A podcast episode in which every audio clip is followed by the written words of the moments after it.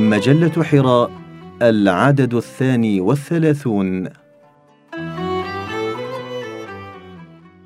الأخلاق ودورها في نهضة الأمة بقلم الدكتور خالد عمارة.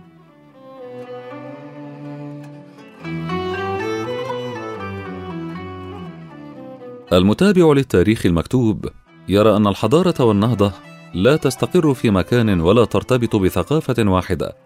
ولا شعب متميز. فقد بدأت الحضارة في الشرق مع الفراعنة والبابليين على مدى خمسة آلاف عام ثم انتقلت إلى الغرب في الحضارة اليونانية والرومانية ثم عادت إلى الشرق مع الحضارة الإسلامية ثم انتقلت إلى أقصى غرب أوروبا مع العصر الحديث. وبالتالي فالتوقع بانتقالها إلى مكان آخر شيء منطقي. قد يكون هذا المكان هو الصين أو الهند وقد يكون تركيا أو البرازيل. وقد يكون الصومال أو مصر فمن يدري أين تبدأ الدورة الجديدة وإلى أين تنتهي ويثور دائما السؤال لماذا تقدم الآخرون وتخلف العالم الإسلامي في الثلاثمائة سنة الأخيرة؟ هل بسبب غياب القيادة والزعيم الملهم؟ بالطبع لا فهناك العديد من مشاريع النهضة ومحاولات اللحاق بالعالم المتقدم ولكنها فشلت ومثال هذا مشروع محمد علي في مصر والذي فشل بمجرد هزيمته العسكرية أمام تحالف الغرب والدولة العثمانية. وبالرغم من أن اليابان كمشروع للنهضه قام في نفس الفترة الزمنية مع مصر القرن الثامن عشر وتعرضت إلى هزيمة عسكرية أشد مرارة وكارثية في الحرب العالمية الثانية ولكن الفارق اليوم كبير بين مشروع مصر واليابان. ومن الممكن أن نسأل السؤال بصورة مختلفة كيف نجحت الحضارة الإسلامية؟ كيف حول الإسلام شعوب الشرق من التفكك والقبلية والاستعباد والاحتلال إلى العالم الأول ومنارا للعلم على مدى أكثر من ثمانية قرون؟ بل وربما نجد في هذه الفترات بعض صور الفساد السياسي أو الحروب أو التحديات والكوارث. ولكن المجتمع كان يجمعه وعي ما وصورة ذهنية تجعله يمضي في طريقه إلى الاتجاه الصحيح برغم المعوقات والمشاكل. الوعي الجمعي ينبع من هوية مشتركة. اذا فيمكننا القول بأن السر في نهضة الأمم وتقدمها هو الوعي الجمعي الذي يجمعها على هدف واحد وينبع من هوية مشتركة. هذا الوعي الذي يجمع الأمم قد يكون سببا في تقدمها أو تفتتها. قد يكون سببا للنهوض أو الاستسلام. قد يكون حافزا على التحدي ومواجهة الصعاب. وقد يكون السبب في الاستسلام أمام محنة أو هزيمة. ولصناعة الوعي الجمعي للأمم نحتاج إلى الاتفاق على هوية ومبادئ تجمع البشر ونحتاج إلى هدف يوحد مسارهم. فالجغرافيا وتقارب السكن والمكان وحده لا يكفي لعمل وعي جماعي فمن الممكن أن تسكن قبائل متناحرة نفس المنطقة وكل منها له هوية مختلفة وهدف مختلف. إذا أخذنا هذا الافتراض وطبقناه على نهضة العالم الإسلامي نجد الرسول عليه الصلاة والسلام قد وضع بدين الإسلام مجموعة من المبادئ والأخلاق التي جمعت الشرق حولها. ومع انتشار الإسلام انتشرت اللغة العربية فكانت الهوية العربية الإسلامية جامعة لشعوب شتى حتى لمن لا يدين بدين الإسلام ولمن لا يتحدث العربية فأصبحت بوتقة تجمع شعوب الشرق على مبادئ مشتركة وفكر متقارب. ويدخل في صناعتها أعراق ولغات شتى من فارسي وتركي وملاي واوردو إلى آخره. وأصبح توجه الشعوب في الشرق يعضده الثقة في القدرة على صنع غد أفضل ماديا وروحيا وعقليا. فانتشر العلم وازدهرت الصناعة والفنون. وإذا حاولنا تطبيق نفس الافتراض على شعوب الغرب في أوروبا وأمريكا نجد أن حالة النهضة صاحبها الشعور بهوية مشتركة يونانية رومانية مسيحية تجمع الإنسان الأوروبي أمام العالم. وشعور بالقدرة والقوة استمده في البداية من الانتصارات المتسارعة على الشعوب الأصلية لقارة أمريكا وأستراليا. وتطورت هذه الثقة مع القدرة المادية إلى عصر الاستعمار. وتطورت الثقة الشديدة والشعور بهوية متفردة إلى حالة مرضية ظهرت في أوج حالاتها في النازية والفاشية من عنصرية واضطهاد للأجناس الأخرى. إذا فلكي ننهض لا يكفي فقط أن يكون هناك دستور أو قانون أو ديمقراطية شكلية بل يجب أن يصاحبها وعي جمعي يتجمع الناس حوله ويتقدمها ويحرص على تفعيل القانون وتطبيق المبادئ للوصول إلى النهضة المادية والعقلية والروحية.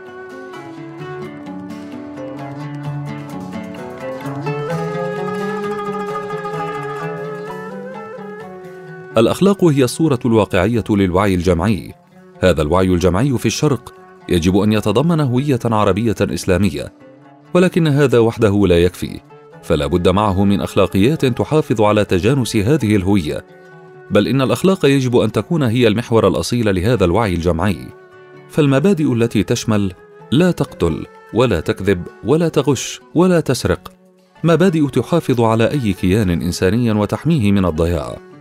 ولكن إذا تحولت هذه المبادئ إلى إيجابية فيصبح الحرص على الصدق والأمانة والإتقان جزءا من الهوية والثقافة. فهنا يكون صناعة الهوية وليس فقط حمايتها وهنا تتحول الهوية الجمعية والوعي الجمعي إلى شرف وتتحول المجموعة البشرية المؤمنة بوحدة الوعي الجمعي إلى جسد واحد. وعند هذه المرحلة يصبح كل عضو في هذه الجماعة لديه من الكرامة والترفع ما يمنعه أن يأتي الدنية أو أن يفعل ما يعيب هويته من مفاسد الأخلاق فيصبح الكذب عيبا والغش إهانة لا يرضاها على نفسه أي عضو من هذه الجماعة. في حين إن الجماعة المتفككة يتحول كل فرد فيها إلى الانتهازية التي تسمح له بأن يفعل أي شيء وكل شيء في سبيل مصلحة عابرة أو مكسب ضئيل. فيمكنه أن يكذب أو يسرق أو يغش أو يخون مقابل أشياء تافهة أو حتى بدون مقابل فيتحول الكذب والغش إلى عادة ومرض لا يستطيع الشفاء منه. وتصبح خيانة الوطن ضرورة للبقاء والحصول على الرزق. إن الاستعمار والطاغية والدكتاتور يحرص دائما على هدم ثلاثة دعائم في الأمم المستضعفة كي يستمر في السيطرة عليها. هي الأمل والأخلاق واحترام الذات.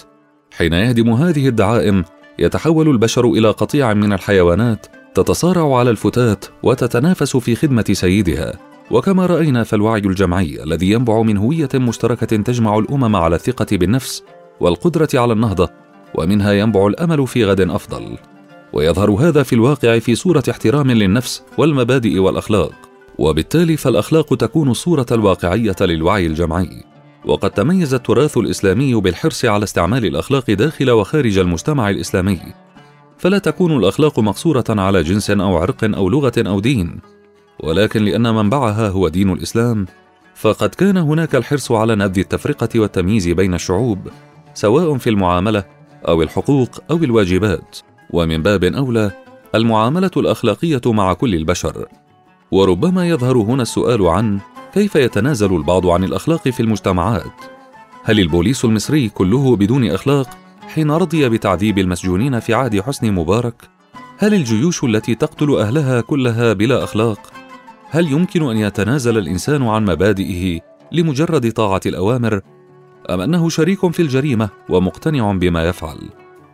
أعتقد أن أفضل إجابة على هذا السؤال هي تجارب ستانلي ميلغرام في جامعة يال بالولايات المتحدة والتي نشرها في سبعينيات القرن العشرين والتي أوضحت أن الكثير من البشر لديهم الاستعداد للتنازل عن مبادئهم في سبيل طاعة الأوامر كي يحافظ على وجوده ضمن المنظومة العامة لمجتمع ما.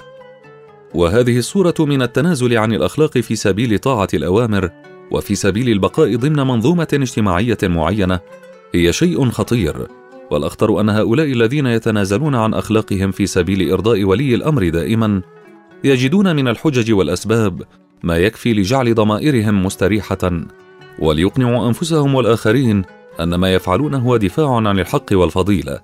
ولكن ما نريدهم؟ هم الفئة الرائدة التي تصنع المجتمعات ولا تنقاد وراء القطيع والتي لا تتنازل عن أخلاقها من أجل طاعة الأوامر والتي نصحنا الرسول صلى الله عليه وسلم فقال لا تكونوا إمعة تقولون إن أحسن الناس أحسنا وإن ظلموا ظلمنا. ولكن وطنوا أنفسكم. إن أحسن الناس أن تحسنوا وإن أساءوا فلا تظلموا. رواه الترمذي.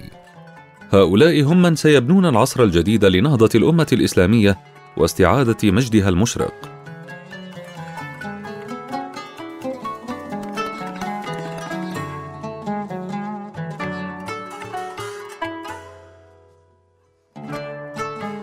كيف يتحقق الوعي الجمعي في المجتمعات؟ هذا ينقلنا بالضرورة إلى السؤال التالي وهو كيف نحصل على هذا المجتمع صاحب الوعي الجمعي والقادر على صناعة النهضة؟ وهل نحتاج إلى إعادة تربية مليار مسلم أو ثمانين مليون مصري لنحصل على هذه النهضة؟ وهل لا بد لنا من الربط بين الهوية الحضارية للأمة الإسلامية وبين مشروع النهضة والأخلاق؟ بالنسبة للسؤال الأول كي نصنع هذا المجتمع نحتاج إلى وضوح رؤية للهوية المجمعة التي تجمع حولها الملايين وتقنعهم بأحقيتهم في النهضة والارتفاع إلى أعلى المراكز بين الأمم. وهذا الوضوح يجب أن يكون حاضرا في أربعة مؤسسات الإعلام التعليم المؤسسات غير الحكومية التي تتعامل مع المجتمع مثل الجمعيات الخيرية والأوقاف والمؤسسات التربوية والحكومة الرشيدة التي ترعى المشروع ولا تحاربه ولا تعطله بل تساعده. ونقصد بالحكومة الرشيدة حكومة واعية مستقلة القرار تتبنى مشروعا للنهضة بعيد المدى. التناغم بين هذه المؤسسات سيساعد على تحقيق هذا الوعي الجمعي بصورة أسرع. لكن عدم التناغم لا يعني بالضرورة فشل مشروع الوعي الجمعي ولكنه يعني بطء تطوره. فمن الممكن أن نجد مؤسسات أهلية وإعلامية بينما تكون حكومة غير رشيدة سواء جاءت بالانتخاب الديمقراطي أو بالدكتاتورية تهدم ما يتم بناؤه ولكن الحركة المجتمعية ستلعب الدور في تحديد أي الاتجاهين سيستمر بالنسبة للنسبة المئوية المطلوبة لبدء عجلة التغيير في مجتمع يحتاج لمشروع النهضة ونشر الأخلاق فهناك نقطة التحول التي تكون عادة تتراوح بين 10 إلى 15% من المجتمع. هذه النسبة أثبتت الكثير من الأبحاث أنها كافية ومؤثرة في تحريك دفة السفينة وعجلة القيادة، فتكون القاطرة الكافية لجر باقي المجتمع وراءها. وهناك الأمثلة الكثيرة لذلك على مر العصور، وليس هناك أوضح من مثال مدرسة النبوة في دار الأرقم ابن أبي الأرقم التي تربى فيها جيل الصحابة على يد النبي صلى الله عليه وسلم وكانوا سببا في هداية الملايين وفي نشر الدعوة ونهضة الشر أما بالنسبة إلى السؤال الثالث وهو هل لابد من الربط بين الأخلاق والنهضة والهوية الإسلامية للأمة فالإجابة بنعم لأن هذه الهوية هي ما سيحرك العامل والصانع والفلاح والشرطي ورجل القانون والعالم إلى آخره. هذه هي القوة الوحيدة الجامعة التي لا تحتاج إلى استيراد ولا إلى تبعية وبالتالي فهي قوة مجمعة لعناصر الأمة وملهمة لها وتحافظ على استقلالها وتفردها وثقتها بالنفس. ولأن قوة الهوية المتجانسة تكون دافعا كافيا للالتزام بالأخلاق فلتطبيق الأخلاق لا يمكن أن تكون القوانين كافية ولا يمكن أن يكون وراء كل مواطن شرطي يراقب أخلاقه. لا بد أن يكون التصرف بأخلاق نابعا من الاقتناع والإيمان بها وليس هناك وسيلة لهذا أقوى من الوعي الجمعي واتحاد الهوية والهدف. هذه قاعدة مطلوبة لا استغناء عنها لنهضة أي أمة. فضلا عن أن الهوية الإسلامية تميزت عن الهوية الأوروبية بأنها لم تعتمد العنصرية وسيلة للتاكيد على التميز. فلا نجد في هذه الهوية تاكيدا على تفوق جنس على الآخر أو السماح بسرقة وقتل شعوب بينما تمنع السرقة والقتل داخل الشعب المتفوق كما هو الحال في الغرب من الكيل بمكيالين. فمن غير المقبول في الأعراف الأوروبية أن تسرق الحكومة مال شعبها ولكن مقبول أن تسرق مال الأمم الفقيرة في أفريقيا وأمريكا اللاتينية. ولكن هذا الأسلوب غير الأخلاقي لا يجد قبولا في كلاسيكيات الحضارة الإسلامية. وبالتالي فمن السهل الربط بين الأخلاق والهوية الإسلامية لهذه الأمة بل من الواجب أن يكون هذا الربط. فتصبح الأخلاق الراعي الأساسي لأي نهضة في الشرق. فإذا أردنا النهضة الأخلاقية للشرق فعلينا العمل على إعادة بناء المؤسسات الأربع التعليم والإعلام والمؤسسات الأهلية والحكومة الرشيدة. ويكون المنبع هوية الحضارة الإسلامية وروحها. ويكون الاتجاه نحو نهضة الشرق. وتكون الأخلاق هي التطبيق العملي والواقعي في الحياة اليومية لكل من يعيش هذا المشروع.